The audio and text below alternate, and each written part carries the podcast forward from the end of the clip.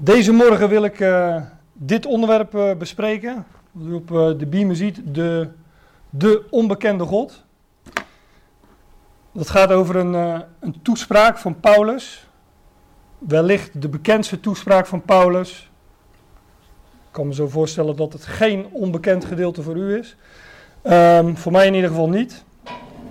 Het is misschien ook wel een van de bekendste toespraken in, in de schrift of in het boek Handelingen. Hoewel we natuurlijk ook uh, ja, de toespraak van Petrus kennen. Eh, de toespraak van Petrus op de Pinksterdag. Ook een hele bekende. De vraag bij die toespraak is natuurlijk altijd van, uh, ja, ze zijn wel bekend, maar is de inhoud van die toespraak ook bekend? En ik denk dat dat ook zeker voor, voor deze toespraak geldt, deze toespraak van Paulus. Het verhaal eromheen, Um, de aanleiding van, uh, van Paulus' toespraak, die is bekend. Um, die, uh, nou, daar, komen we, daar komen we straks wel op. Maar wat hij zegt, de, de, de waarheden die, omtrent God, omtrent de onbekende God, onbekend voor zijn uh, aanhoorders, ja, is, is, die is die, de inhoud van die toespraak bekend? Dat zou je af kunnen vragen. Dus uh, lijkt me goed om, uh, om daar straks gewoon naartoe te gaan, naar die inhoud. En eens te bezien wat, uh, wat Paulus te melden heeft. Die toespraak vinden we in Handelingen 17.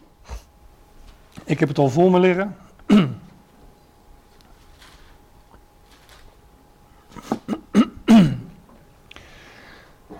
Maar we vinden die niet al aan het begin van Handelingen 17. Um, maar uh, ja, halverwege, halverwege, ongeveer in vers 15, start de aanleiding.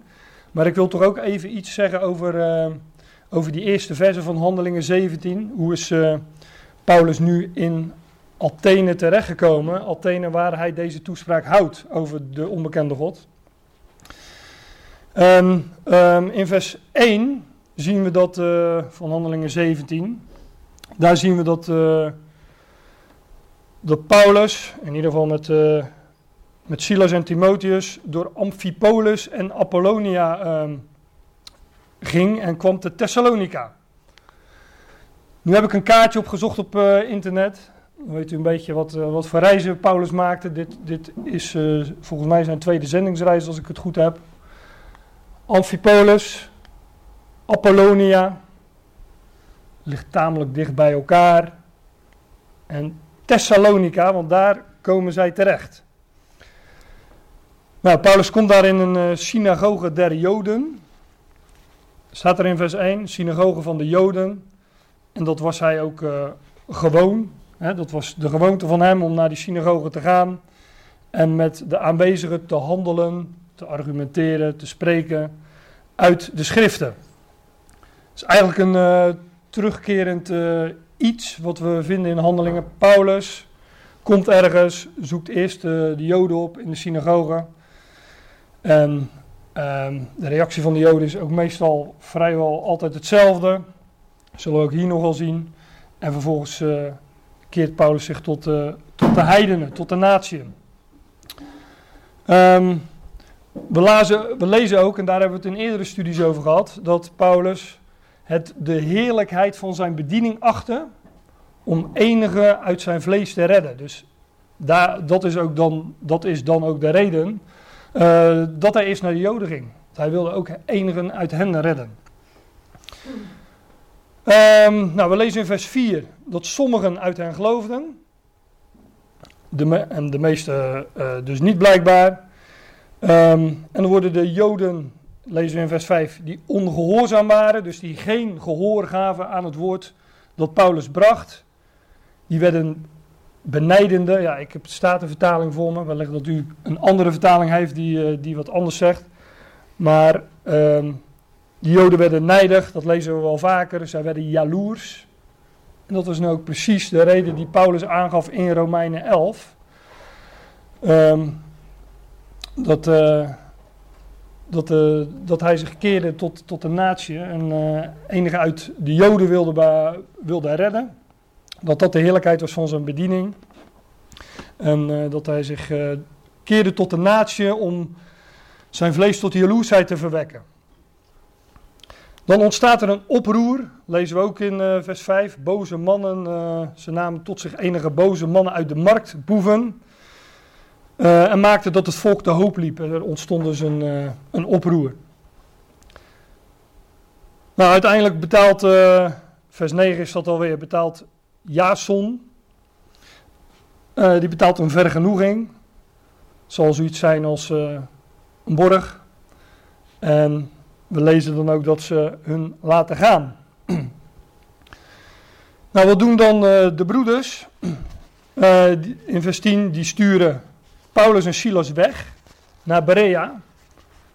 En Paulus, dat ligt hier uh, even verderop. Nou ja, even verderop. Het lijkt een klein stukje op de kaart. Ik heb dat even nagezocht. Het is 45 mijl, is ongeveer 72 kilometer. En ze doen daar precies hetzelfde. Ze gaan naar de synagoge van de Joden. Lezen we ook in vers 10. En daar vindt hij toch heel wat gehoor, want dan volgt vers 11. Een redelijk bekend vers, denk ik. Um, deze, dus in Berea, waren edelen dan die Thessalonica. Ze ontvingen het woord met alle toegenegenheid. En wat betekent dat? Nou, ze onderzochten dagelijks de schriften of deze dingen al zo waren. Een open houding naar de schrift toe, open houding naar wat hen verteld werd. Um, ontvangen en checken, wat zegt de schrift, is het zo? En uh, ja, ze onderzocht of die dingen al zo waren. Nou, dan lees je daar dus in vers 12 dat daar wel velen uh, geloofden. En dan vers 13, de Joden van Thessalonica, waar dus um, in de eerste negen versen over gesproken wordt. De Joden Thessalonica, die hadden blijkbaar uh, post gekregen, of nou, ze hadden in ieder geval gehoord dat Paulus ook het woord van God in Berea verkondigd uh, had. We in vers 13. Toen dachten ze van nou, dan maken we maar de reis naar Berea. Die 72 kilometer. En nou, dat zal een aardige reis geweest zijn. Ze hadden geen auto's, wellicht lopend of te paard. Maar dat is nog een hele reis van 45 mijl of 72 kilometer. Dus die nijd, die zat wel diep. Ze hadden er heel wat voor over om Paulus even te achtervolgen naar Berea. Om daar eigenlijk hetzelfde te doen wat ze in, uh, uh, in Thessalonica hadden gedaan. Namelijk, vers 13, einde van vers 13, zij bewogen de scharen. Dus ja, ze maakten dat ook daar de, de, de menigte, de, de, het luisterend oor dat Paulus vond, dat dat in, in opschudding kwam. En dan de broeders in vers 14. Die zonden toen Paulus weg, dat hij ging naar de zee. Dat hebben ze hier ook op dat plaatje gezet. Hij ging van de zee, en lezen we later, naar uh, Athene, dat is vers 15. Dus hij is niet over land gegaan naar Athene, maar blijkbaar over de zee. Tenminste, dat concludeer ik uit uh, het feit dat Paulus hier um, gestuurd wordt naar de zee. Overigens ook dit een typologische verwijzing, ik noem hem maar even tussendoor, van het heil wat van het Joodse volk vanaf het land naar de zee ging, namelijk naar de volkeren, naar de Volkerenzee. Die zee is altijd een uitbeelding van de volkeren, van de Volkerenzee. En het land, het land Israël is een beeld van Israël. Dus ook hier een kleine typologische verwijzing tussen de regels door. We lezen dan dat Silas en Timotheus daar bleven namelijk in Berea. Dus Paulus, um, Paulus is eigenlijk alleen nu in Athene. Nou, en daar wil ik dan uh, aanvangen met, uh, uh, met wat nauwkeuriger en wat uitgebreider op, op deze verse ingaan. Want dit is nu de aanleiding op, op de toespraak van Paulus over de onbekende God. Ja, dan lezen we in vers 15, die Paulus geleiden, brachten hem tot Athene toe. Daar zijn we dus aangekomen in Athene. Nog steeds een bekende stad in, uh, in Griekenland. En als zij bevel gekregen hadden aan Silas en Timotheus, dat zij op het spoedigste tot hem zouden komen, vertrokken zij. Ik wil daar uh, telkens uh, dit nasleggen, dat is een interlineair van, van de grondtekst. Zal bij de meesten van u uh, bekend zijn. Die blauwe letters geeft één op één weer wat de Griekse woorden in het Nederlands letterlijk betekenen. En ook zo concordant mogelijk. Dus elke keer wordt daarvoor hetzelfde Griekse woord, voor zover dat mogelijk is, hetzelfde Nederlandse woord gekozen, overgezet. Maar wat we dus eh, zien in vers 15 is dat degene die Paulus geleiden hem naar Athene brachten. Zij kregen bevel van Paulus. Ze kregen uh, een opdracht. Ze namen een voorschrift. Oh, ze namen een voorschrift in ontvangst voor Silas en Timotheus dat zij, uh, dat ze, zij moesten dus Silas en Timotheus zo snel mogelijk naar Paulus toezenden, naar Athene. nou, terwijl Paulus hen te Athene verwachtte, vers uh, eh, 16, werd zijn geest in hem ontstoken, ziende dat de stad zozeer afgodisch was. Athene betekent letterlijk, ja, dat, daar is men uh, nogal onzeker over. Maar het betekent ook zoiets als onzekerheid. Vaak zegt men, we weten niet precies wat het betekent. Ik, uh, ik heb me laten vertellen dat het opgebouwd is uit de woorden A en tenen en A. Dat kennen we wel. Ja, als iemand asociaal is, dan vertoont hij niet sociaal gedrag. Dus die A staat voor niet of geen. En tenen heeft met staan te maken niet staan of niet staande. En wanneer uh, iets niet staat of niet vast staat, is het ook onzeker. Dus dat, uh, dat heeft in ieder geval, uh, dat is ongeveer de inhoud van, van dat begrip Athene. En ik zeg dat omdat ik er straks nog wel op terugkom. Paulus wachtte dus op Silas en Timotheus in Athene. En zijn geest werd in hem ontstoken, zijn geest werd in hem geprikkeld. En dat kan uh, zowel positief als negatief zijn. Het is een vrij uh, neutraal woord. Soms wordt het vertaald met verbitterd. Maar je kan ook op een, uh, op een, op een positieve manier geprikkeld worden. En Paulus wordt hier positief geprikkeld, maar dat, ja, dat gaan we nog wel zien natuurlijk. Dat gaan we nog wel lezen. Maar het woord wordt ook wel eens vertaald met verbitterd. Dus dat hangt een beetje van de context af. maar hij zag zijn geest werd in hem uh, geprikkeld, want hij zag, hij aanschouwde, hij was uh, aanschouwende, dat de stad, de stad Athene dus, zeer afgodisch was, staat er in de Statenvertaling. Het was vol afgodsbeelden. En um, hier in dat, uh, in dat woordje afgod, kat eidolon, daar herkennen we nog het woordje ijdol in. En ook ons woord idool, ja, dat heeft wel wat met, uh, met aanbidding te maken, met, uh, met goden of eventueel afgoden. Maar daar werd Paulus dus door geprikkeld. Hij zag daar een, een stad die was vol van afgodsbeelden. Nu staat het hier niet bij, maar er is, is in de ongewijde geschiedenis natuurlijk vrij veel bekend over een stad als Athene. Wikipedia en dat soort internetpagina's geven daar ook informatie over. Maar het schijnt dat daar wel uh, eh, 3000 afgodsbeelden in die stad stonden. Dus dat is uh, ja, meer dan één op elke hoek van de straat, lijkt me. Maar in ieder geval heel veel. Want Paulus zag in ieder geval, ja, die stad was vol van afgodsbeelden. En hoeveel dat er dan precies geweest zijn, ja, dat is uh, om het even. Maar het zullen er veel geweest zijn, inderdaad. Nou, wat doet Paulus vervolgens? Hij handelde dan in de synagoge. Hij gaat dus weer naar de synagoge. Hij handelde dan in de synagoge met de Joden. En met degenen die godsdienstig waren. En op de markt alle dag met degenen die hem voorkwamen. Paulus, ziet u in de interlineair, hij argumenteerde. Het doorspreken. Die dia heeft met door doorheen te maken. Hij, hij, hij, besprak zaken met ze, hij argumenteerde met ze in de synagoge met de Joden. En met de vererenden, staat er letterlijk, met de godsdienstigen. Um, die term kom je al vaker tegen in, uh, in uh, handelingen. De godsdienstigen of de vererenden is wat er letterlijk staat. En uh, als u het mij vraagt, maar dat is een kwestie van die term opzoeken en kijken in wat voor verband dat allemaal voorkomt. Als, als u het mij vraagt, gaat het over proselieten. Dus zij die uh, met de Joden sympathiseerden. ook in die bij die proselieten zijn daar nog verschillen. Maar in ieder geval, het waren een soort van ja, Jodengenoten, wordt dat ook wel genoemd.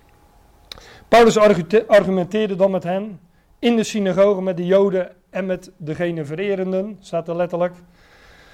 Daar concludeer ik ook uit dat zij ook in de synagoge aanwezig waren, dus vandaar Joden genoten.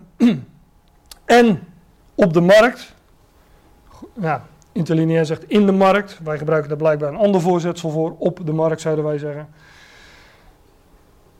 Elke dag, elke dag met de toevallig aanwezig zijn en met ja, degene die hem voorkwamen. Dus een ieder die, uh, die hij tegenkwam, en ieder met wie hij in contact kwam, en ieder die uh, toevallig uh, aanwezig was, daarmee handelde hij over, ja, over de schrift. Hij argumenteerde daarover. En dan lees je in vers 18. Sommigen van de Epicureïsche en Stoïsche wijsgeren streden met hem.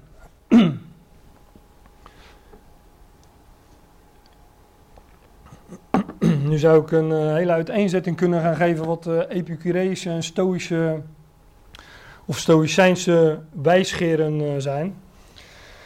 Maar dat doe ik maar niet kom het verder ook niet, uh, niet, eh, niet meer tegen in, in, uh, in, de schrift. Het zijn in ieder geval um, filosofische scholen. Dat is wel duidelijk. Hier herkennen we ook dat, dat woord filosofen, wat in de Statenvertaling is vertaald met wijsgeren. Hè, zij die veel houden van wijsheid. Zij die wijsheid liefhebben. Dat is wat het woord, waaruit het woord is opgebouwd, filosofen. Nou, we kennen dat woord ook in het Nederlands. We gaan ook nog wel zien dat er wel meer woorden hier in die uh, Griekse tekst voorkomen die we ook weer in het Nederlands kennen. Maar enige van die uh, Epicureese en Stoïcijnse filosofen die overlegden met hem. Hier staat streden met hem, maar dat, dat staat er niet. Ze overlegden gewoon met hem. Dat sun, dat uh, is een Grieks woord, dat betekent samen. Dus samen overleggen.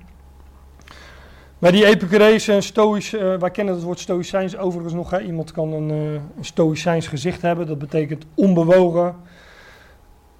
Als ik het goed begrepen heb, wat ik gelezen heb, is, was het hoogst haalbare voor deze filosofen waar zij naar streefden, was een, een onverstoorbare gemoedsrust. Dus ondanks alles wat, wat er op een mens af kan komen qua emoties, qua ja, wat dan ook, een onverstoorbare gemoedsrust, dat was het hoogst haalbare.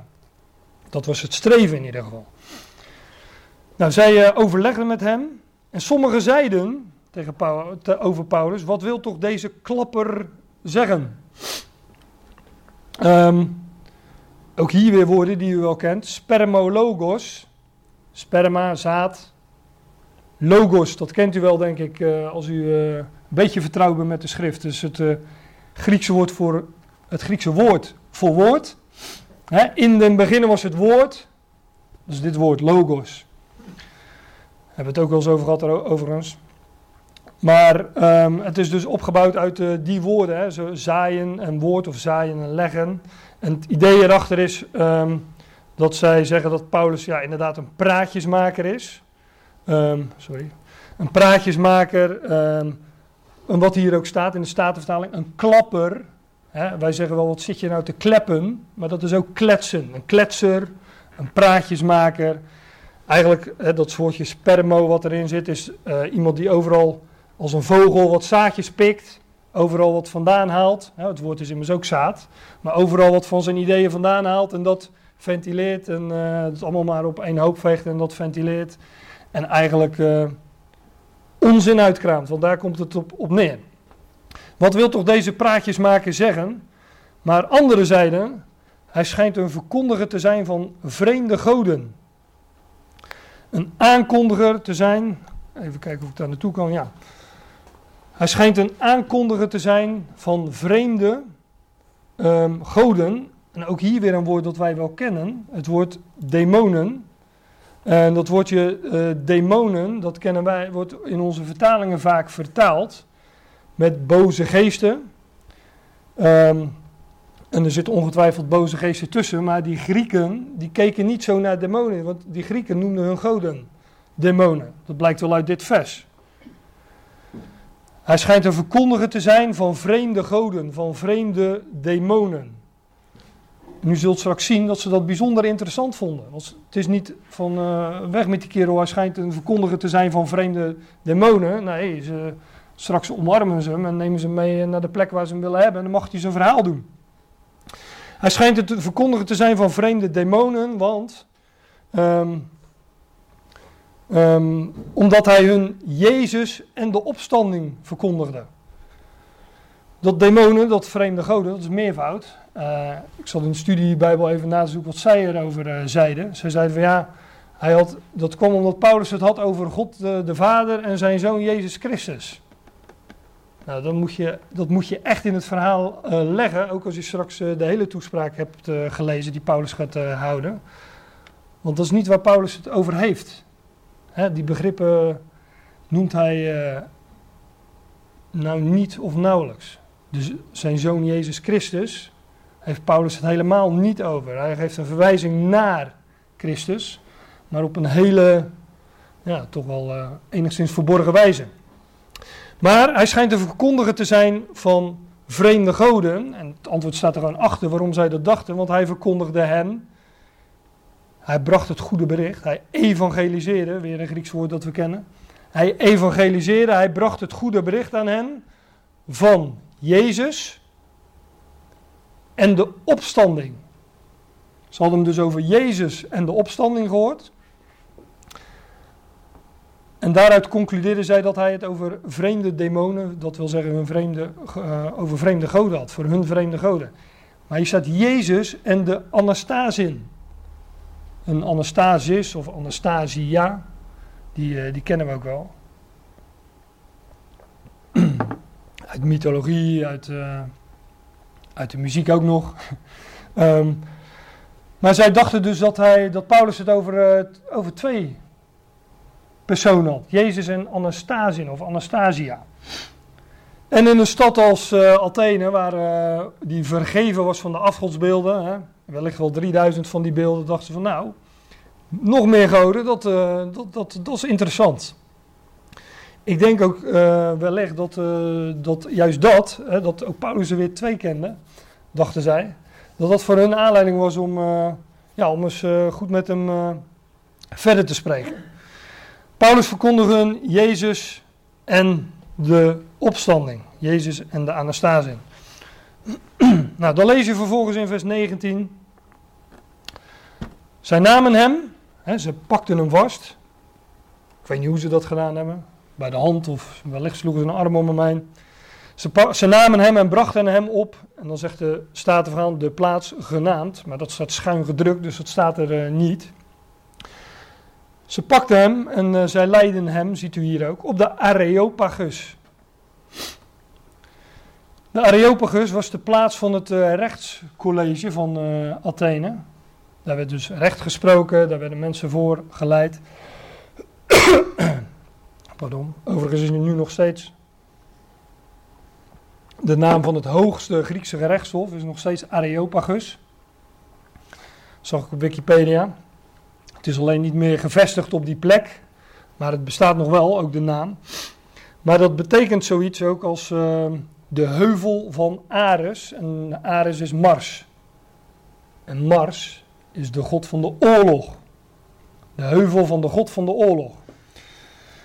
Nou, ik wilde toch even zeggen, een klein stukje typologie weer. Een heuvel of een berg is in de schrift altijd een beeld van een koninkrijk, een hoge plaats.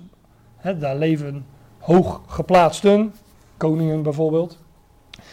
Een heuvel, een, een, een berg is een, is een, beeld van een koninkrijk en Mars is een, ja, is een, uh, is een afgod, is, een, is de god van de oorlog in ieder geval. Nou, dat brengt ons wel heel dicht bij, uh, bij die tegenstander die wij kennen. Hij die ook oorlog maakt, die in ieder geval uh, geen vrede maakt en die alles door elkaar gooit, de tegenstander, die diabolos.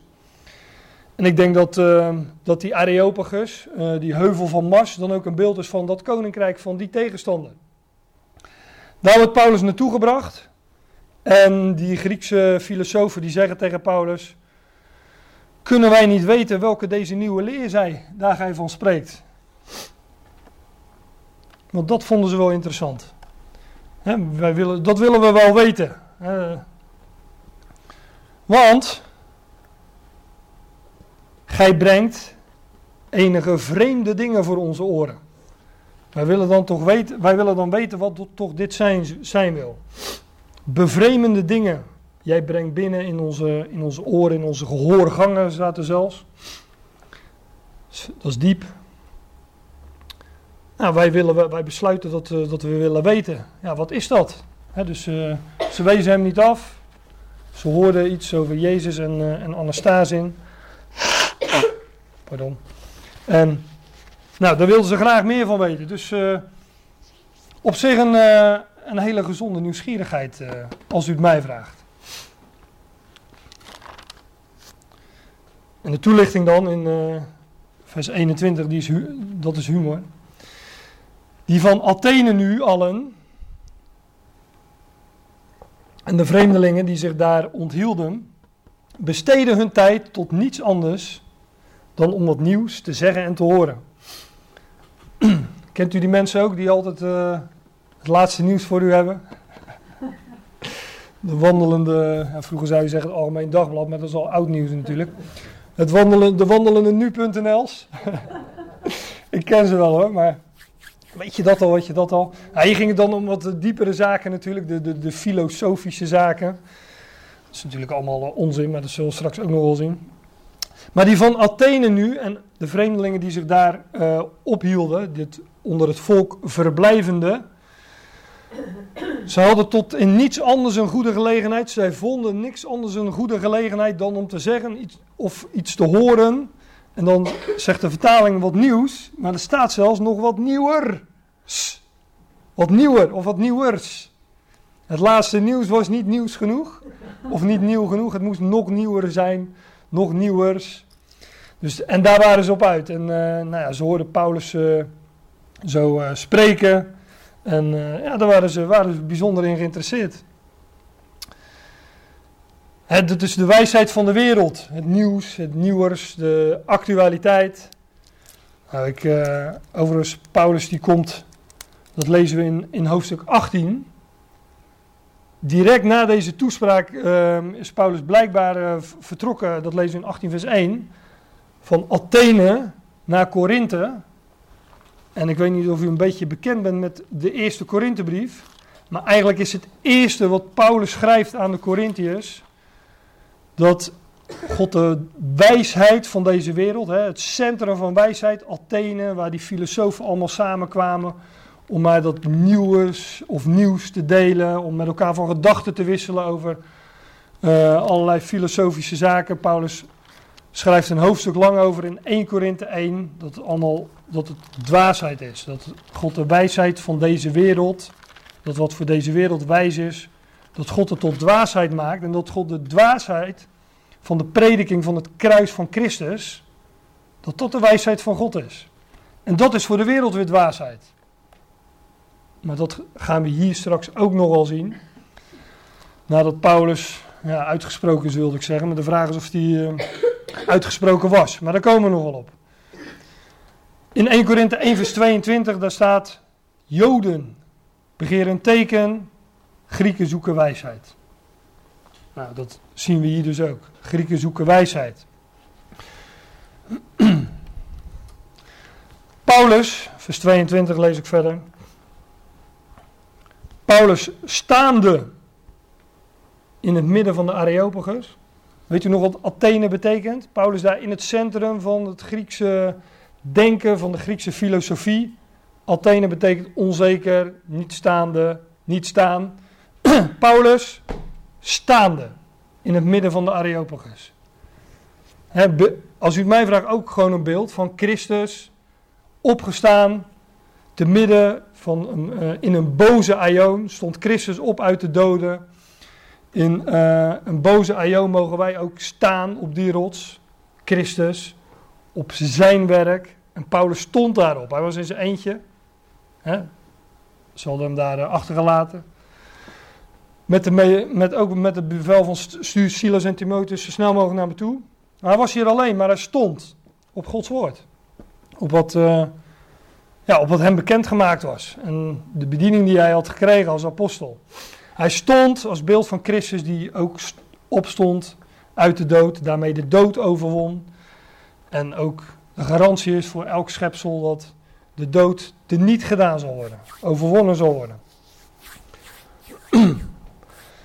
Paulus stond in het midden van de Areopagus en hij zei: Mannen van Athene. ik bemerk, ik bemerk dat gij, dat gij, dat is de vertaling, dat gij alleszins gelijk als godsdienstige zijt. Als u dat nog nooit gelezen hebt, dan, uh, dan moet u dat een paar keer lezen voordat, het, uh, voordat u denkt, wat staat er nu eigenlijk? Paulus zei met nadruk, pak even de, de, de interlineaire bij, hij zei met nadruk, mannen Athenus, onzekere mannen als je het letterlijk vertaalt, mannen die niet staan, zei Paulus daar, staan in het midden van de Areopagus. Ik zie in alles hoe buitengewoon religieus jullie zijn. Hij zegt niet van, joh, uh, jullie zijn helemaal gek, stelletje afgodendienaars, ik kom jullie de ware God uh, verkondigen. Nee, hij maakt een verbinding. Zoals u hier. Uh, hij wilde verbinding maken. Sommige dingen gebeuren niet toevallig natuurlijk. um, maar Paulus die, die, die, die, die bezag dat. Die had die stad vol afgodsbeelden gezien. Hij sprak met hen. Hij werd te, uh, ter verantwoording geroepen. Hij mocht zijn verhaal gaan doen. En hij zei: Jullie zijn buitengewoon religieus. Maar dat was voor die voor die lui, voor die Atheners, dat was een compliment. Dat waren ze ook. En dat, daar gingen ze ook prat op. En uh, toen ze hoorden dat ze twee, wellicht nog twee goden bij konden krijgen, dan zeiden ze van, uh, kom jij maar eens even mee om je verhaal te doen, Paulus. Dit is het mooie van interlineair. Als je op dit woord klikt, ziet u hoe dit woord opgebouwd is. Letterlijk betekent het, is het opgebouwd buitengewoon religieus, ja, beducht voor demonen. Want uiteindelijk is elke godsdienst, elke religie, gaat is gebaseerd op het bang zijn, beducht. Hè? Beducht is gewoon vrees of, of, of angst voor demonen. Ze waren beducht voor hun goden. En dat is ook wat religie is. Religie bindt mensen. Religie vraagt altijd iets van een mens. En de mens komt altijd tekort naar God toe. En Paulus stapt uit een heel ander vaatje. Die gaat ze vertellen van de ene God. Die alles in zijn hand heeft. Die de schepper is van alles. Maar die ook de uh, bestemming is van alles en allen. Maar zij waren beducht voor demonen. Nou, dat is. Uh, wat verborgen ligt in die term, buitengewoon religieus. Maar zij hebben dat, uh, ik neem aan, toch als een, een, compliment beschouwd. Paulus legt het verder nog uit. ik kwam door jullie stad, de stad doorgaande, en aanschouwende uw heiligdommen, aanschouwende, over, overpijnzende, de voorwerpen van eerbiedige verering. Zoiets staat er letterlijk. Dan staat er in de Statenvertaling, um, heb ik ook een altaar gevonden op de welke een opschrift stond. Enzovoort. Letterlijk staat hier een voetstuk. Wat wij eh, zouden noemen een sokkel of een voetstuk. Maar dat heeft met voet te maken. Zoals een sokkel, en sokken, die hebben met voeten te maken. Maar er stond gewoon, er stond geen altaar. Ja, er stonden duizenden altaren waarschijnlijk met afbeeldingen van uh, godheden tussen aanhalingstekens. Maar dit was een voetstuk, een lege sokkel. En op, die, op dat voetstuk stond geschreven aan de onbekende God. Of ik zou, zij dachten wellicht een onbekende God, maar ik heb de titel meegegeven: De onbekende God omdat Paulus de onbekende God gaat verkondigen. Maar daar komen we dan uh, dus ook op. Op die sokkel, op dat voetstuk stond geschreven uh, aan, aan de onbekende God. Ook hier weer een woord dat u kent, agnost. Ook dat is, ja, ik weet niet of ik het zo mag noemen, ik denk het wel, een filosofische stroming. Mensen die agnost zijn of agnostisch, die um, zeggen niet er is geen God. Ze zeggen ook niet er is wel een God. Hè. Het zijn geen atheïsten, maar ze zijn ook niet uh, godsdienstig. Ja, ik, ik, zeg het nu heel zwart-wit natuurlijk. ik, zie jou, uh, ik zie jou een gebaartje maken, maar... Nee, maar ik, ga, ja, ik, zal, er ook niet, uh, ik kan er ook niet te diep op ingaan. Maar een agnostisch die zegt eigenlijk van ja, we weten het niet of we kunnen het niet weten. en uh, we kennen die stroming nog steeds. Dus er zijn nog steeds mensen die zeggen, ik ben agnost. Nou, Paulus vond dus een, een, een, een, voetstuk, een sokkel, zegt hij tegen die Atheners. Ik heb een, een sokkel, een voetstuk gevonden waarop een opschrift stond aan de onbekende God. En dan zegt Paulus, deze dan, deze God, die jullie niet kennen, um, deze God die gij niet kennende dient, zegt de Statenvertaling, die dan onbekend zijde jullie bejegenen eerbiedig, die jullie vereren. Hij zegt, ja, die kondig ik jullie aan. En heel vaak wordt er gezegd, ja, dat was een hele slimme truc van Paulus. Het was, het was ook een, ja, het was bijzonder slim van Paulus, bijzonder sluw. Maar, als hij zijn toespraak gaat houden, gaan we straks ook zien, dat het ook precies is wat hij hem aankondigt. En waarmee hij hun bekend maakt. Een God die zij niet kenden. Ze kenden talloze goden, maar Juist omdat ze talloze goden kenden, kenden ze de ene God niet. Komen we nog wel op. Um, in uh, Romeinen 1, kijk, Paulus zegt hier, um, deze dan, hè, die jullie niet kennende uh, dienen, die kondig ik jullie aan. In Romeinen 1, vers, uh, vers 19.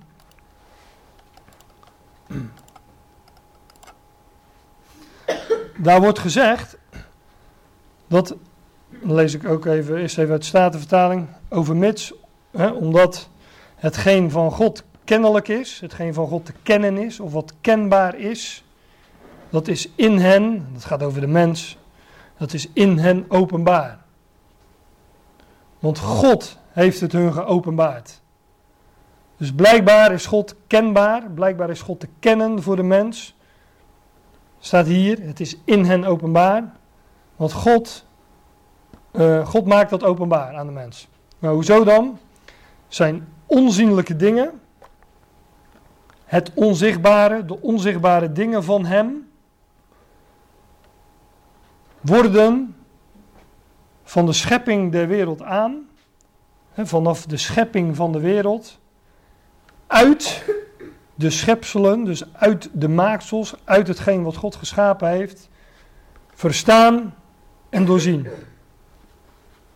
Staat er, beide zijn eeuwige, staat in de Statenvertaling, maar beide zijn onwaarneembare kracht, zijn onwaarneembare macht en goddelijkheid. Nou, opdat zij niet te verontschuldigen zouden zijn, enzo, enzovoorts. En wat hier staat, is dat wanneer, wij, wanneer de mens ziet op, op de zaken om hem heen, en dat kan de natuur zijn, dat kan de, de, de kunnen de sterren zijn, wat dan ook, um, vat ik het even kort samen.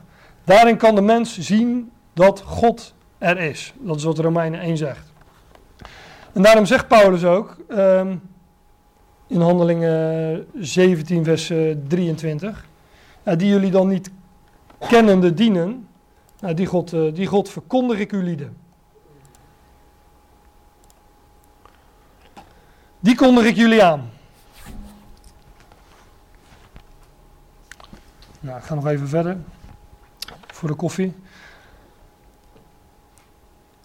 De God, zegt hij dan in vers 24. De God.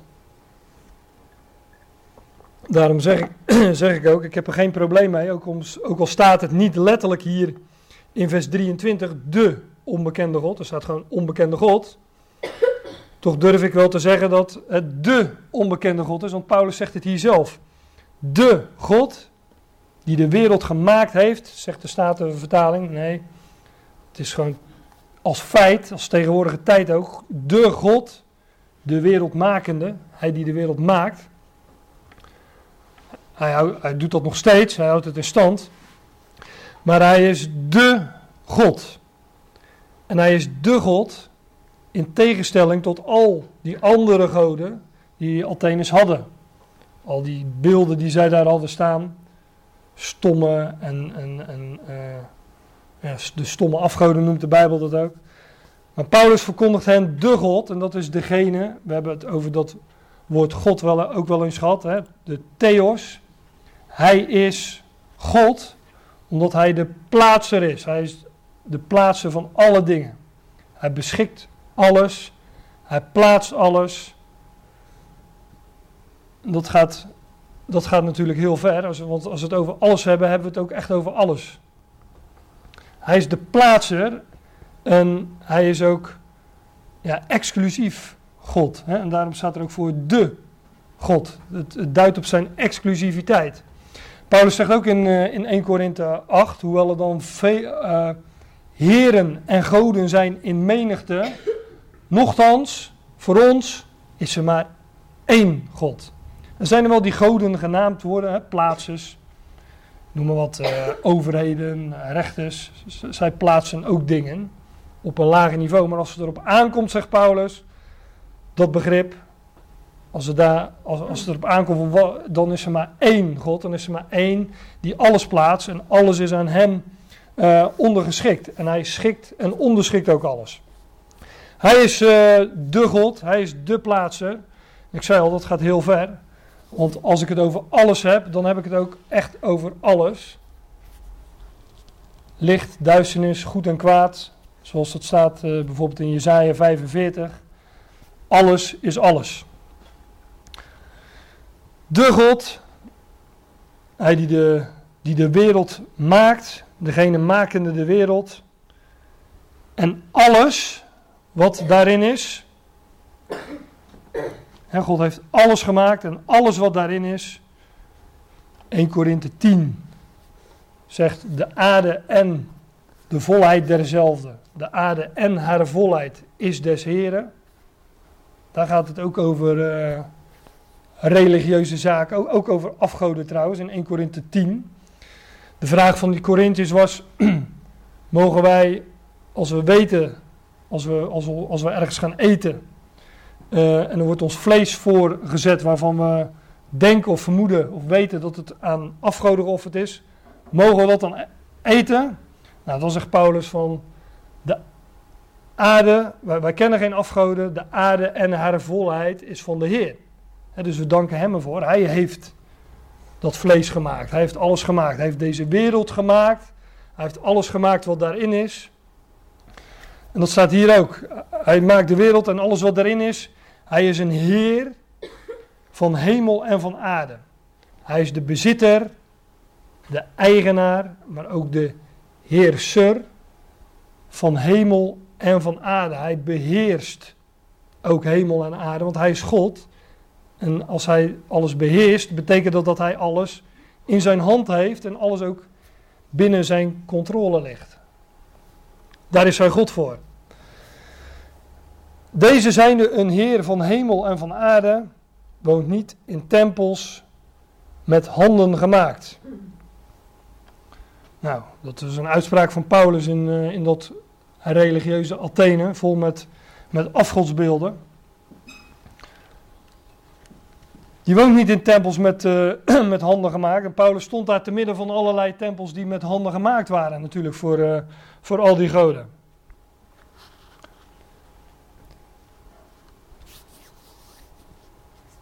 En die God, zegt Paulus dan in. Uh, kom op dat het met handen gemaakt nog wel terug. Ook in dit vers. Die God, vers 25, wordt ook van mensenhanden niet gediend. Ook hier weer een Grieks woord dat wij kennen. Therapeia. God wordt niet door mensenhanden behandeld. God wordt niet door mensenhanden gediend alsof hij iets behoeft, hè, alsof hij iets nodig heeft. Dat is natuurlijk wel het idee van, van afgoderij. We maken een God uh, en die God is sowieso behoeftig omdat, omdat hij door, ons, door onze handen gemaakt moet worden. die beelden die daar stonden in, eh, in Athene, die waren door mensenhanden uh, gemaakt. En door, uh, door, de, de, de, ideeën van mensen, lezen we straks ook nog wel, door de gevoelens en ideeën van mensen tot stand gekomen. Maar God, wij hoeven geen beeld van God te maken, want God heeft zichzelf een beeld gemaakt namelijk zijn zoon, Christus. Dat is zijn beeld. Maar God wordt van menselijke handen niet bediend alsof hij iets behoeft. Um, hij zelf aan allen leven, adem en alle dingen geeft. Ik wil u even meenemen naar uh, twee passages in, uh, nog even voor de pauze. Twee passages uit Jezaja, 4, uh, uit Jezaja 44 en 46. Waar gesproken wordt over ehm, over afgoden. Op een nogal gekscherende wijze. Ook wel humoristisch als u mij vraagt. Um, daar, wordt, daar wordt de draak gestoken met, met afgoden. Dat het hele idee van die afgoden dat het, ja, dat krankzinnig is.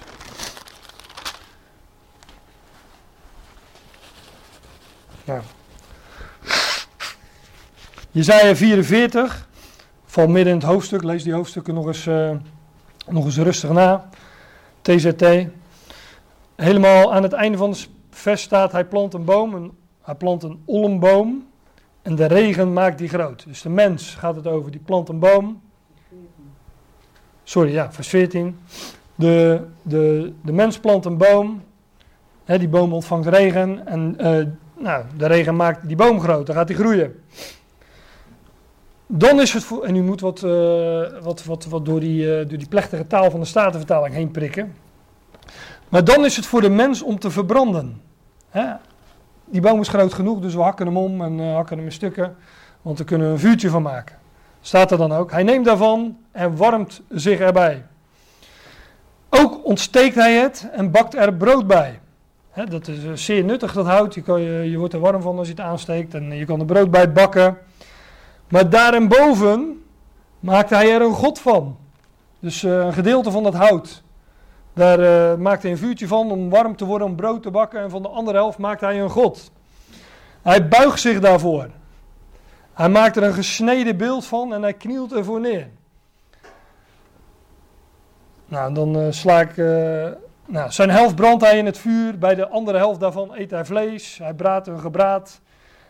En hij wordt verzadigd, ook warmt hij zichzelf en hij zegt, ah, hij, aha, ik ben warm geworden, ik heb het vuur gezien. Het overige nu daarvan maakt hij tot een god, tot zijn gesneden beeld. Hij knielt ervoor neer en buigt zich en bidt het aan en zegt, red mij, want gij zijt mijn god. Ja, dat is belachelijk natuurlijk. Goed voor. en dan staat in vers 19 nog, niemand van hem brengt het in zijn hart en er is nog kennis, nog verstand. Hè? Het komt niet in hen op dat, ze, dat hij zeggen zou: Ja, de helft daarvan heb ik verbrand in het vuur. Ja, ook op de kolen daarvan heb ik brood gebakken. Ik heb vlees gebraden en heb het gegeten. En zou ik dan van wat er van overblijft, van het overblijfsel, uh, tot een gruwel maken, hè, tot een afgod maken? Zou ik neerknielen voor wat van een boom gekomen is? Ja, dat wordt daar natuurlijk uh, in de schrift volstrekt belachelijk gemaakt. Jezaja 46, één bladzijde omslaan bij mij. Um, ja, daar gaat het. Uh, vers 5. Wien, hè, tot wie of als wie, zegt God, zou, zoudt gij lieden mij nabeelden? En dat is toch precies wat afgoderij is, het nabeelden van God zelf een beeld maken van God, terwijl God zegt, ik heb mijzelf een beeld gemaakt. Bien, tot wie als wie zoudt gij lieden mij nabeelden en even gelijk maken? Hij is God, hij is de God. Er is niemand als hem, gelijk hem. Dus wie, zou, wie zouden jullie mij gelijk maken en mij vergelijken, dat wij elkander vergelijken zouden? dan staat er ook weer, zij verkwisten het goud uit de beurs. Wegen het zilver met de waag, met de weegschaal. Ze brengen goud en zilver bij elkaar. Ze huren een goudsmid. En wat doet hij nou? Die maakt het tot een god. Dus hun eigen goud en zilver, dat, uh, ze, daar moeten ze nog een goudsmid voor huren die er dan uh, um, iets moois van maakt, zeg maar. Die maakt het tot een god en ook hier weer, ze knielen ervoor neer. Ze buigen zich ervoor. Ze luister, ze nemen het op de schouder. Dus die God draagt hen niet, maar zij moeten die God dragen. Overigens, ik, ik, ik, dit, dit, u denkt, ja, u zegt wellicht, ja, maar dat was toen en dat is allemaal heel primitief. Maar denk nou eens aan de God die men in het christendom vereert. Die heeft toch ook van alles van ons nodig? Die draagt ons niet, maar wij moeten hem dragen. Wij moeten hem, uh, wij moeten hem toch uh, door middel van bidstonden op bepaalde gedachten brengen. Toch? Ja, ik, uh, dat, dat, daar gaan bidstonden toch over. We moeten God, op, we moeten God adviseren. Dat zegt de schrift ook. Wie zijn wij dat we God zouden adviseren? Hij is God. Hij heeft een plan en hij volvoert dat. En zien wij niet wat daarvan de bedoeling is? Ja, dat zij dan maar zo. Het is, hij is God. Hij is de plaatser. Hij heeft controle over alles. Van A tot Z. Hij heeft ook geen plan B. Hij heeft een plan van A tot Z. Daar zouden we op vertrouwen. En tuurlijk, dit is de, de, de, uh, de oude versie van afgoderij, zeg maar. De primitieve versie, hoe men dat vroeger deed. Maar tegenwoordig is men filosofisch, dat was men toen ook al. Maar tegenwoordig is men filosofisch, heeft men God helemaal weggeredeneerd. Hè? Er is ooit ergens een knol geweest, daaruit is iets ontstaan, dat ging leven. Nou, dus als je mij vraagt, nog dwazer dan, wat die, uh, dan dat uh, Pantheon uh, afgoden wat die Atheners zich hadden verzameld. Dit, dit, dit lijkt dwaas in onze ogen, maar als je God kent en kijkt naar de wereld om ons heen, hoe men daar nu mee omgaat, dan vraag ik me af uh, wat er nu dwazer is. De levensbeschouwing zoals uh, die nu algemeen aanvaard is, of uh, de afgoderij van toen. Toen besefte men in ieder geval nog dat er een, uh, zoiets als een, een hogere macht moest zijn. Hoe slecht men dat dan ook invulde. Maar ze nemen hem op de schouder, want die God heeft blijkbaar wat nodig. Ze dragen hem, want hij kan zichzelf natuurlijk niet verplaatsen. Ze zetten hem op zijn plek. Nee, God zet ons op onze plek. God is de plaatser. Hij plaatst alles. U, mij, uw omstandigheden. Of ze nou goed zijn in uw ogen of kwaad. Hij plaatst het. Wij plaatsen God niet, God plaatst ons. Daar staat hij, hij wijkt van zijn steden niet. Ja, roept iemand tot hem, zo antwoordt hij niet. Hij verlost hem niet uit zijn benauwdheid. Nou, enzovoort. En dan staat er nog gedenk in vers 9. Gedenk, gedenk dat ik God ben. Er is geen God meer. Er is er niet één gelijk ik. En die God is de God uit Handelingen 17, waar Paulus van spreekt in, uh, wat was het, vers 24. De God. Hier in Jezaja 46, vers 10 staat nog, ik ben die God, die ene, die zegt, mijn beraadslaging zal bestaan, mijn raad zal bestaan, mijn plan zal bestaan. En ik zal al mijn verlangen doen. Nou, daar mogen wij in rusten. daar mogen wij op vertrouwen. En dat is dan ook de God die Paulus die Athenus voorhoudt. De God die de wereld maakt en alles wat daarin is. Deze zijn hun Heer van hemel en van aarde. Die woont niet in tempels met handen gemaakt. En wordt ook van mensenhanden niet gediend als iets behoevende. Nee, hij geeft ons, wij zijn behoevenden. En er staat dan ook achter, alzo hij zelf aan allen het leven en de adem en alle dingen geeft het leven en de adem. Nou, laten we dat uh, eens bij elkaar trekken in eerste instantie. Wat geeft God ons? De levensadem. Zoals hij die aan Adam gaf. Genesis 2, vers 7. God blies in Adam, de adem des levens. En zo werd Adam tot een levende ziel. Maar daar begint het al. Heel ons leven, alles wat we zijn, alles wat we hebben, alles, wat alles hebben we van Hem. dat u hoort, dat u gehoor heeft aan zijn woord. Ook dat heeft u ontvangen. Alles hebben we ontvangen. Leven, adem en alle dingen. Nou, ik, uh, een mooi uh, punt om, uh, om even te stoppen en naar de koffie te gaan. En na de pauze weer verder te gaan met deze toespraak van Paulus, want hij heeft nog veel meer te zeggen. We gaan verder in, in Athene of in Handelingen 17. Um, ehm, bij de toespraak van Paulus. Ik was gebleven in, in, in vers 25, waar staat dat, dat Paulus zegt dat God zelf allen aan allen leven en Adam, uh, Adem en alles geeft. Alles wat een mens dus ontvangt, nou, dat ontvangt hij van God. Het, hè, wat volgens mij spreuken zegt dat, het oor dat hoort, het oog dat ziet. Het is allemaal, allemaal van hem, van hem dat we dat ontvangen. Vers 26. En hij heeft uit één bloeden, zegt de Statenvertaling dan. Dat hangt een beetje van de handschrift af, maar het idee is wel duidelijk. Hij heeft uit één het ganse geslacht der mensen gemaakt om op de gehele aardbodem te wonen. nou, dat gaat natuurlijk uh, over Adam. Het hele menselijke geslacht, elke natie is uiteindelijk uh, voortgekomen uit, uh, uit Adam. Hij heeft uit één het ganse geslacht der mensen gemaakt, om op de gehele aardbodem te wonen, bescheiden hebbende de tijden tevoren geordineerd en de bepalingen van hun woning. Nou, wat moeilijke zin, met wat uh, oud-Nederlands uh, in deze vertaling. Het komt erop neer dat God uit één, er is één God en hij heeft uit één mens het uh, ganse geslacht, elke natie van mensen gemaakt. Ja, dan staat er om op de gehele aardbodem te wonen, hè, om te wonen op alle of heel de oppervlakte van de aarde.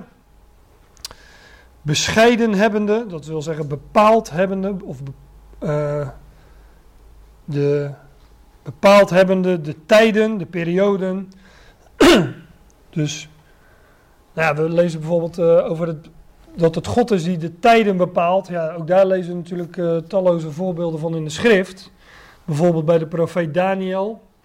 Hè, aan van, uh, van een aantal dromen. Dat beeld van uh, die droom die Nebukadnezar had. Het gaat ook over tijden die koninkrijken zijn toebedeeld. Um, Daniel 2, Daniel 7 de tijden tevoren geordineerd, dat wil zeggen de tijden tevoren bestemd. Ja, en dan staat er de bepalingen, de begrenzingen van hun woning. Um, dit vers is, op, is volgens mij een, uh, een, onderwerp op zich. Ik heb er ook al wat andere dingen op nageslagen. Um, maar hier gaat het over, over grenzen die God bepaald heeft. Wij denken bij grenzen aan, aan streepjes op de kaart of, of grensovergangen. Maar in de schrift zijn, eh, zijn die grenzen met name de natuur, de, natuurlijk de natuurlijke grenzen. Dus bergen, bergketens, rivieren of zeeën. Hè, ons, uh, ons land kent ook nogal wat natuurlijke grenzen. Hè, de hele westkant is omgeven door de, door de Noordzee. Nou, dat is een, uh, een grens die God zo bepaald heeft. God bepaalt alles. Hij geeft aan allen leven, adem en alles. Maar hij bepaalt ook de tijden nou, over Bijbelse chronologie valt ook uh, heel wat te zeggen. Hoe God al die tijden bepaald heeft. Hoe hij daar ook structuren in aan heeft gebracht. Ook daar zijn goddelijke handtekening uh, in heeft gegeven. en ook uh, ja, de begrenzingen van hun woning. Ik heb een aantekening in mijn Bijbel staan naar Deuteronomium 32, vers 8. Daar staat, ja, ik ga er niet naartoe, ik ga er niet uitgebreid op in. Maar er staat dat, dat het God is die aan de volken um, hun erfenis of hun lotsdeel heeft toegewezen. God heeft die volken in hun gebied geplaatst. hij geeft de landpalen aan de volken. Ja, en dan staat er nog achterna het getal der kinderen Israëls. Dat is een hele diepgaande. Maar in Genesis 10 lezen we hoe God uh, de volkeren, 70 volkeren, uh, hun plaats, hun gebied geeft. Nou, dat uh, wordt hier dus ook gezegd, dat het God is die de plaatser is van al die dingen. Um, en dan staat er in vers 27, opdat zij de Here, staat in de Statenvertaling, maar in de grondtekst staat God, opdat zij God zouden zoeken, of zij hem immers tasten en vinden mochten. Hoewel hij niet ver is van in ieder van ons. Kijk, wij kunnen God niet volledig bevatten. We, kunnen, we, we, kennen de schrift en wat God ons openbaart, dat, dat, ja, dat, dat mogen wij kennen. Maar als wij zijn wegen na zouden speuren, zegt, uh, zegt de schrift ook, ja, die zouden we niet vinden. Wij weten de dingen omdat God, uh, God ze bekend maakt en wij kunnen dat grijpen, we kunnen dat betasten. Maar om uiteindelijk God helemaal te bevatten, um, ja, dat, uh, daar zijn we te beperkt voor, denk ik. Ik denk dat dat de boodschap is die Paulus hier ook, ook geeft. Opdat zij God zouden zoeken, of zij hem immers tasten en vinden mochten. Hoewel hij niet ver is van een ieder van ons, zegt Paulus dan ook. Overigens, wat ik nog niet gezegd heb, maar wat ik, wat ik nog wel even met nadruk wil zeggen, is dat Paulus richt zich hier tot heidenen, tot Grieken, filosofen, ongelovigen. En hij was naar gewoonte, lazen we ook al, ging hij eerst naar de synagoge. Nou, daar gebeurde dus elke keer hetzelfde. Daar ontstond uh, tumult. Hij keerde zich vervolgens tot de heidenen. In de synagoge lezen we dat hij hun uitlegde dat Jezus was de Messias. En hij liet dat zien vanuit de schriften. Paulus die zocht de aansluiting bij zijn publiek en bij, bij het Joodse volk.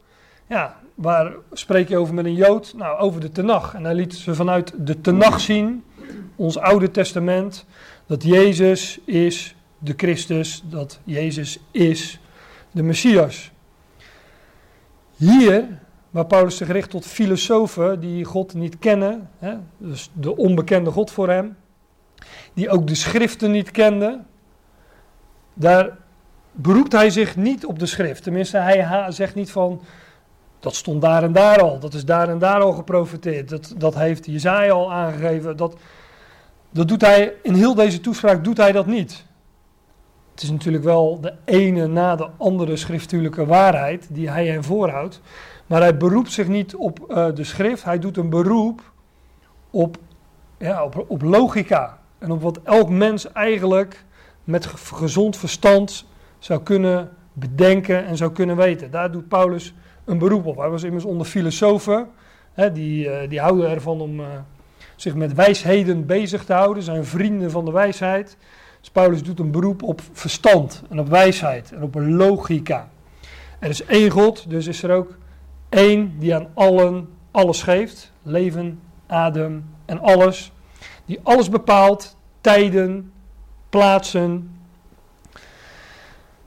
En die zouden wij zoeken, die God, zegt hij. Opdat zij de God zouden zoeken.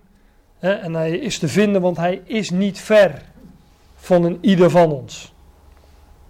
wat hij dan doet, is ook opmerkelijk als je Paulus kent. Want Paulus beriep zich altijd, al, beriep zich altijd op de schrift, vrijwel altijd. Maar hier beroept hij zich op, uh, op hun eigen filosofen. Want in hem, staat er in vers 28, in hem leven wij en bewegen ons en zijn wij. Gelijk ook enige van uw poëten gezegd hebben, want wij zijn ook zijn geslacht. Dus wat Paulus doet, uh, hij pakt een uitspraak van hun uh, dichters, staat er volgens mij letterlijk, ja dat klopt. Poieton, hè, Griekse woord, dus inderdaad poëten, weer zo'n Grieks woord dat wij kennen, komt daar blijkbaar ook vandaan. Paulus beroept zich op de poëten, op de dichters van, van die Grieken waarmee hij staat te praten, met die Griekse filosofen. En hij zegt van ja, jullie eigen dichters hebben gezegd, in hem leven wij. In hem bewegen wij ons en in hem zijn wij. Dus wat hij zegt is dat heel ons bestaan, uh, dat, zoals, je dat in Romeinen 11 zegt, uit hem is. Dat God de oorsprong is van heel ons bestaan. Ook van die ongelovige Griekse filosofen, want dat ze ongelovig zijn en blijven, dat blijkt nog wel uit het vervolg. Maar in hem leven wij, zegt hij tegen die Grieken. En bewegen ons. Dus alles wat wij zijn, dat zegt hij ook, en zijn wij. Alles wat wij zijn, wat wij doen, niks gaat buiten hem om. In hem leven wij en bewegen wij ons en wij, zijn wij, zoals ook enige van u dichters eh, gezegd hebben, want wij zijn ook zijn geslacht. Dat is dus de conclusie van het in hem leven wij, bewegen ons en zijn wij. Want wij zijn ook van zijn geslacht. Wij zijn ook van zijn ras. Staat er letterlijk in de grondtekst. Genos. Hè, wij zijn ook van zijn genen. En als ik het zo zeg, dan beseft u ook wel hoe, hoe diep die verwantschap is tussen God en mens. Zelfs de, de ongelovige mens. Blijkbaar, want Paulus zegt het tegen ongelovigen. Wij dan zijn de godsgeslacht, inderdaad, zegt hij dan. Dus hij bevestigt dat in het volgende vers. Um,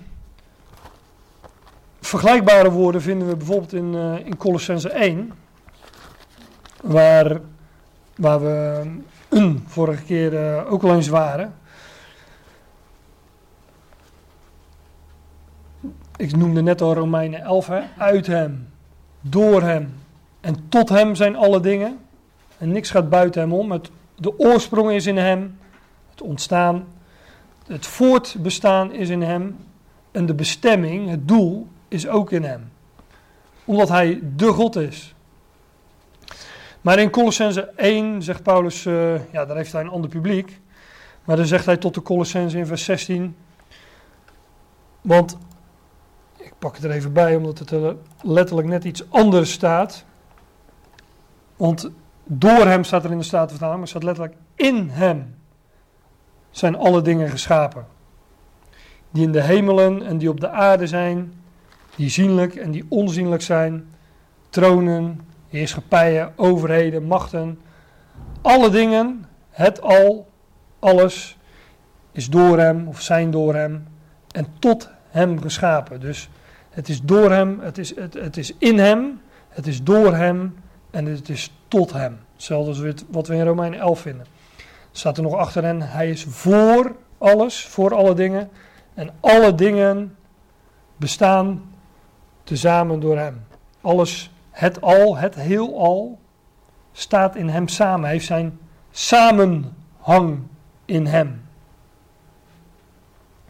En dan gaat het nog gewoon over de oude schepping in Colossense 1, dat eerste gedeelte. Want daarna gaat Paulus het pas hebben over de gemeente die zijn lichaam is, dus over de nieuwe schepping. En ook hier heeft hij het dus uh, ja, in Handelingen 17 uh, eh, erover dat wij dat, dat, dat zij, hè, ook die Grieken, van zijn geslacht zijn, van zijn, van zijn familie, van zijn verwantschap. Is ook, is ook een mooie. Um, ja, Hebreeën 1 vers 3, nou, ik, ik ga er niet naartoe, want het, uh, er zijn heel wat versen die, uh, die, die hetzelfde zeggen. Hè. In Hebreeën 1 vers 3 lezen die alle dingen draagt, die het al, het heel al draagt door het woord van zijn kracht. In hem leven wij, bewegen ons en zijn wij, zoals ook enige van uw dichters gezegd hebben, want wij zijn ook zijn geslacht. Ja, ik wil toch nog eentje opzoeken, dat is um, Efeze. Schiet me nu te binnen. Um, als ik hem zo gauw kan vinden. Efeze, Efeze 3 is dat.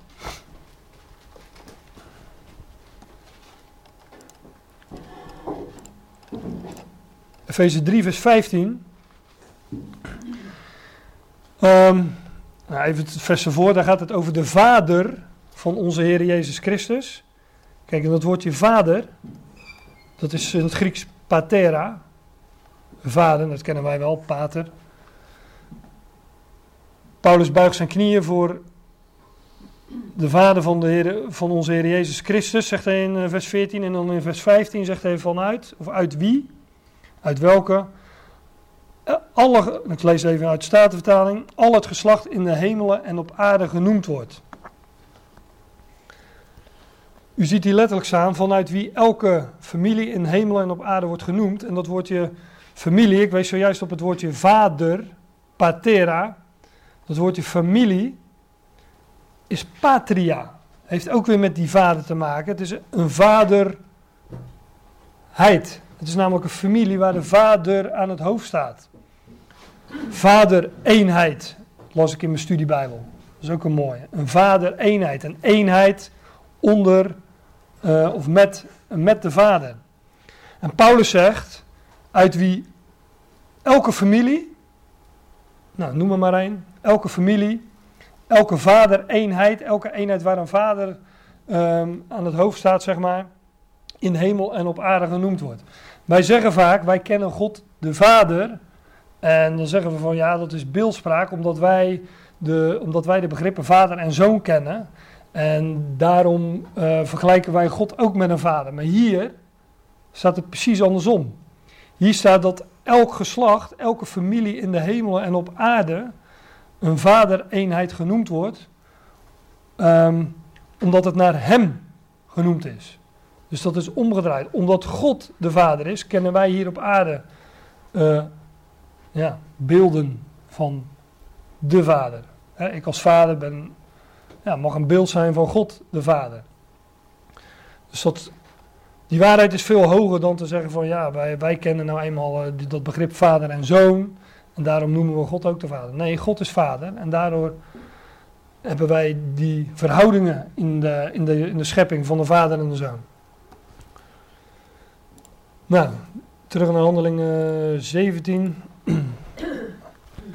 Uit wie, want wij zijn ook zijn geslacht, vers 28. En Paulus bevestigt dat in vers 29, hè, want die dichters hadden dat gezegd. Maar hij zegt, ja, dat is ook zo. Wij dan zijn de Gods geslacht. Wij dan zijn de Gods familie. Gods genen. Gods genos. Wij dan zijn de Gods geslacht moeten niet menen dat de Godheid goud of zilver of steen gelijk is, welke door mensenkunst en bedenking gesneden zijn. Nou, daar hebben we het over gehad. Die afgodsbeelden waren door mensenkunst en menselijke ideeën tot stand gekomen. hier, staat letterlijk gevoel, oh. hier staat letterlijk gevoelens van de mens. En ik verwees net al even voor de pauze naar de moderne mens, de moderne mens die zich een beeld van God maakt. Wij zouden ons niet zelf een beeld van God maken. Niet op basis van onze denkbeelden, niet op basis van onze gevoelens, maar God heeft zichzelf een beeld gemaakt en ja, dat maakt hij ons bekend in de schrift. Nou, ik weer verder. God dan, de tijden der onwetendheid overzien hebben, hebbende verkondigt nu alle mensen alom dat zij zich bekeren. Ja, God, Paulus zegt tegen die uh, onwetende Grieken, ze waren agnosten, weet u nog? Maar hij zegt, God dan overziet die tijden van onwetendheid. En uh, hij geeft nu opdracht aan de mensen, allen, alle mensen om zich te bekeren, zegt de Statenvertaling dan. Maar dat is nogal een, uh, ja, wellicht godsdienstig begrip, wat wij ook kennen. En daarbij denken we vaak van... Uh, iemand is religieus geworden of iemand is overgestapt van de ene naar de andere godsdienst, heeft zich bekeerd. Hier staat een woord dat met het denken te maken heeft. Metanoia, en noia zoals paranoia, dat heeft met het denken te maken. Bij paranoia zit je ernaast. Bij metanoia ga je, ja, zoals een metamorfose een verandering is in, in uiterlijk, is een metanoia een verandering in het denken. Dus Paulus zegt van, joh, ik heb jullie zojuist wat verteld.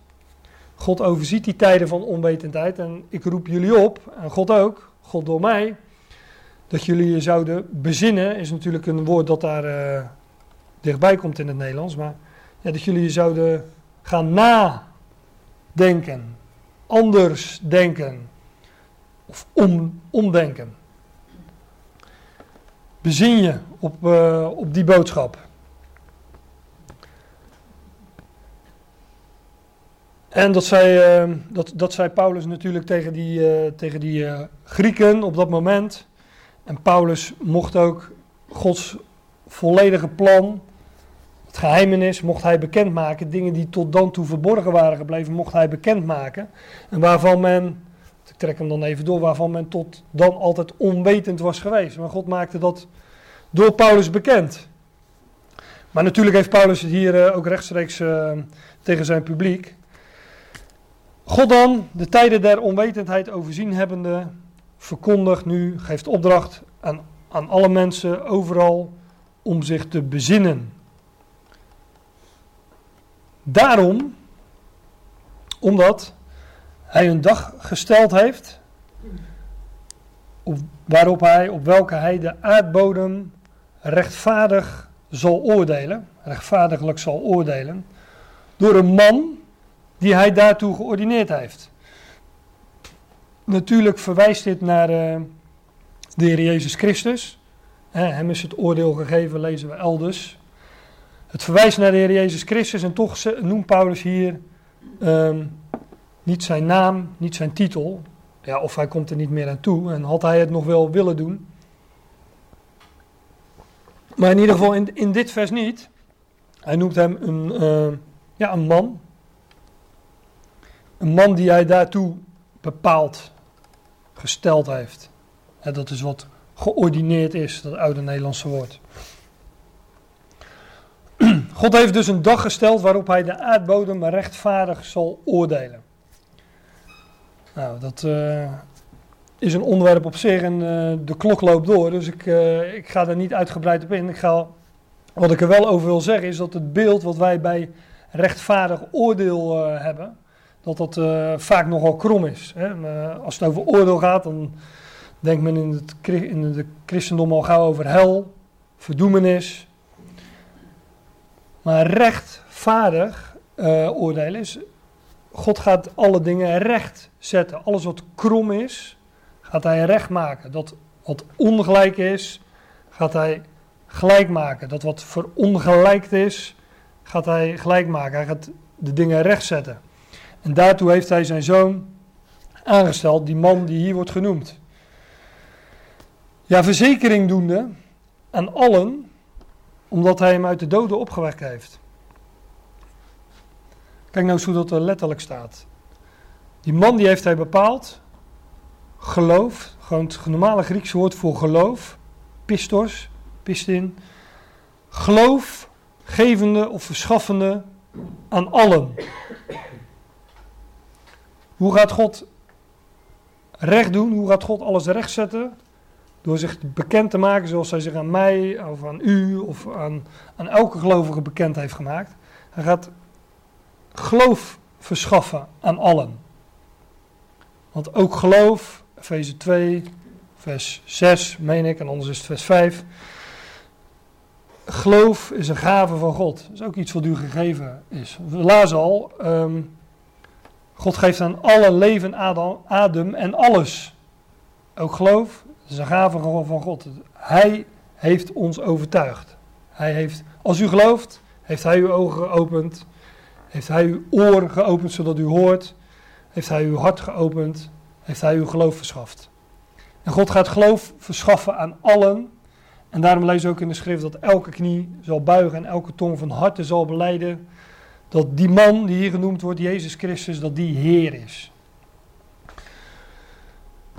Ja, nou, God heeft hem uit de doden opgewekt en daarom is hij dus ook Heer, niet alleen over het leven, maar ook over de dood.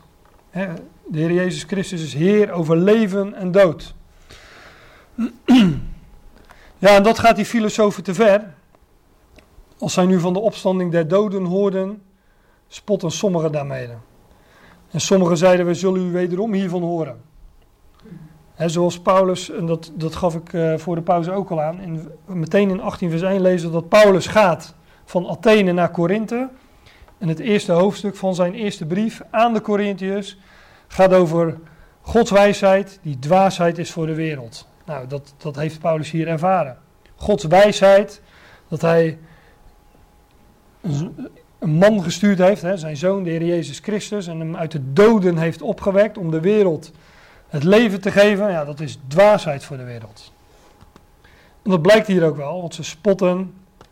Sommigen, uh, sommigen zeiden, ja, we zullen u wederom hiervan horen. Ja, dat is ook niet echt een compliment. We zien je wel weer een keer, zoiets. Of we horen je nog wel een keer. Of uh, interessant, maar ga vooral uh, verder. Schuif vooral een deurtje op. ja, zoiets ja. Nou, en dan lees je dat, uh, dat Paulus zo uit, uh, uit hun midden is weggegaan. Dan staat er nog bij, sommige mannen hingen hem aan en geloofden, onder welke ook was Dionysus, de Areopagiet en een vrouw met name Damaris en anderen met dezelfde. Nou goed, um, daar valt ook nog wel wat over te zeggen, maar uh, het is letterlijk 5 voor 12, dus... ja, ik stel voor om om het hierbij te laten en uh, een volgende keer uh, verder te gaan. Niet met uh, handelingen 17, maar weer met een ander onderwerp.